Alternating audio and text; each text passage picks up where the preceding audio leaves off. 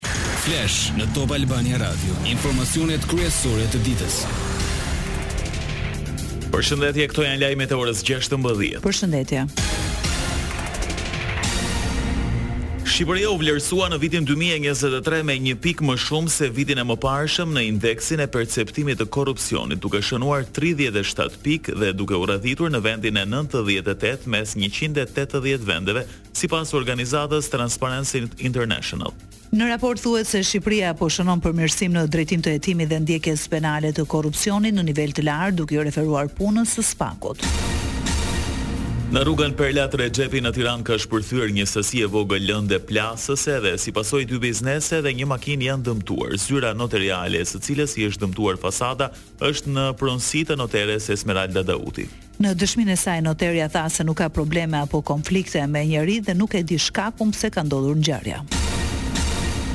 Geri Rizvani Lika, njëzet e pesë vjeç, është arrestuar nga policia në Kurbin, ndërsa në kërkim është shpallur babai i tij Zyhdi Lika, dyzet e tetë vjeç, pasi në banesë iu janë gjetur armë, si dhe bizhuteri të vjedhura.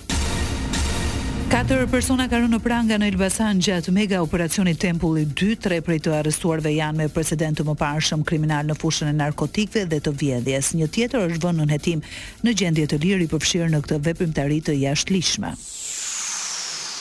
Lajmet në internet në adresën www.topalbaniradio.com.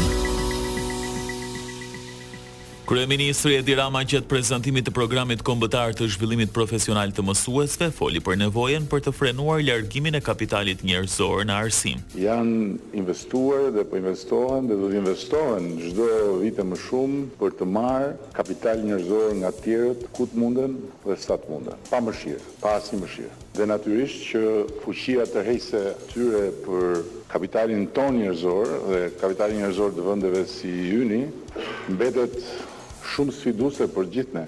Oferta e tyre është shumë më e fortë se sa oferta jonë. Por ne nuk mundet dot të mos reagojmë në një mënyrë jo tradicionale për të mbrojtur sa të mundemi kapitalin tonë njerëzor.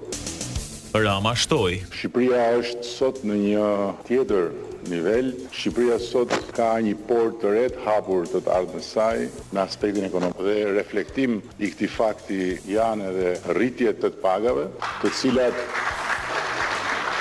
të cilat do të vazhdojnë. Kreu i qeverisë shqiptare theksoi. Dua të them që ne do të bëjmë gjithçka mundemi dhe madje do të bëjmë të pamundurën që në këtë fazë të rritim mbështetjen e gjithanshme për shkollën dhe për mësuesit.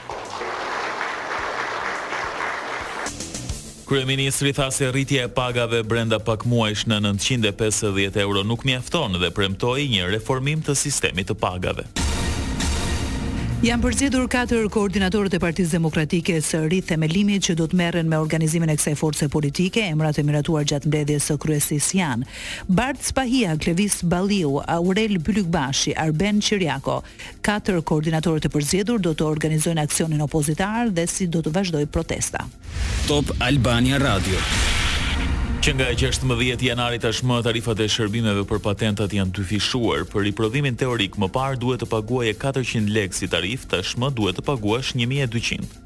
Po ashtu edhe për riprovimin e testit të praktikës, ku më parë do paguaje pesëqind lekë, tashmë do të paguash katërfish më shumë. Për t'u pajisur me leje drejtimi për të gjitha kategoritë nga tre mijë e pesëqind lekë, tashmë do paguhet katër mijë e pesëqind lekë.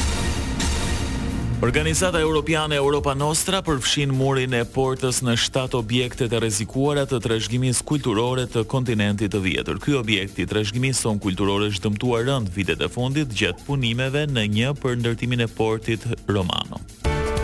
Lajme nga rajoni. Avokatët e ish-presidentit të Kosovës, Hashim Thaçi, janë tërhequr nga mbrojtja e tij, kjo për arsye të mospagesës, raportojnë mediat kosovare. Pagesat për mbrojtjen e të akuzuarve në Hagë është e detyruar t'i bëjë Ministria e Drejtësisë në Kosovë. I menjëhershëm ka qenë reagimi ku nëpërmjet një njoftimi ministria thekson se pagesat me avokatë që kanë marrëveshje janë realizuar të gjitha. Miroslav Lajçak po bën përpjekje të mëdha për ta çuar përpara procesin e dialogut mes Kosovës dhe Serbisë, deklaroi zëdhënësi i Bashkimit Europian, Peter Stano në kohën kur i dërguari i posaçëm i bllokut ndërmori një udhëtim të ri në rajon. Nga ana tjetër, zyrtarja e Parlamentit Europian Federica Voelk është e pakënaqur me qasjen e ndërmjetësuesve në dialogun Kosovë-Serbi. Sipas saj, gjithmonë e më shumë po vërehet se ndërmjetësuesit po përpiqen që të përfshijnë pika të cilat janë në favorin e Serbisë. Lajme nga bota.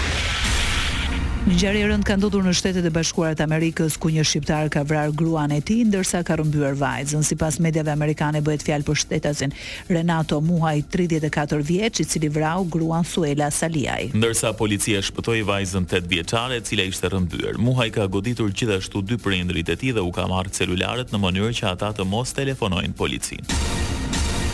Ish-kryeministri pakistanez Imran Khan është dënuar me dhjetë vite burg për akuzën për nxjerrje të sekreteve shtetërore. Khan, i cili u rrëzua nga pushteti nga kundërshtarët e tij në vitin Dy mijë e njëzet e dy tashmë po vuan një dënim prej tre vitesh në burg pasi u dënua për korrupsion. Ish-kryeministri i ka quajtur të motivuara politikisht të gjitha akuzat ndaj tij. Dënimi për nxjerrjen e sekreteve shtetërore vjen një javë përpara zgjedhjeve të përgjithshme në të cilat atij i ndalohet të kandidojë.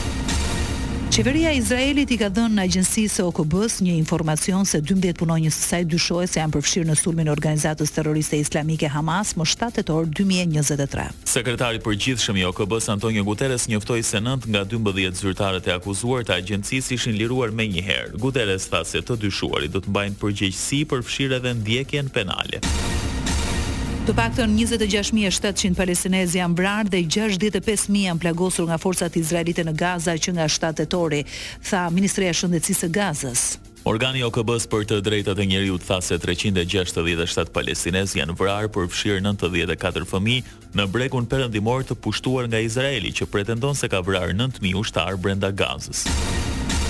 Miliarderi teknologjik Elon Musk tha se kompania e tij Neuralink ka implantuar me sukses një nga çipat e trurit me valë te një njeri për herë të parë. Rezultatet fillestare tregojnë se personi ka reaguar mirë dhe po shërohet. Qëllimi i kompanisë është të lidhë trurin e njeriut me kompjuterët dhe thotë se dëshiron të ndihmojë në trajtimin e problemeve komplekse neurologjike.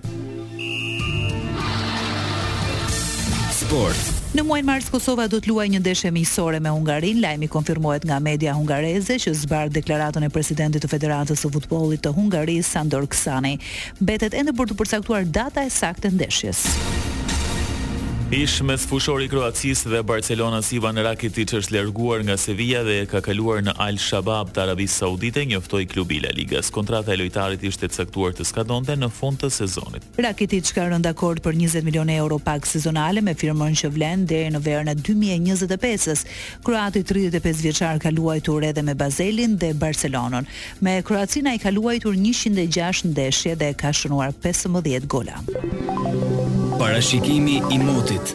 Orët në vijim, territori shqiptar do të përfshihet nga moti i qëndrueshëm me kalime të pakta vranësirash e kthjellimesh. Temperatura e ajrit pritet të arrijë nga minus pesë gradë në vendet malore deri në njëmbëdhjetë gradë Celsius në bregdet. Ndoqët një përmbledhje të zhvillimeve kryesore të ditës. Edicioni informativ i radhës është në orën shtatëmbëdhjetë. Unë jam Ersilda Doko. Unë jam Edi Hallaçi. Kjo është Top Albania Radio.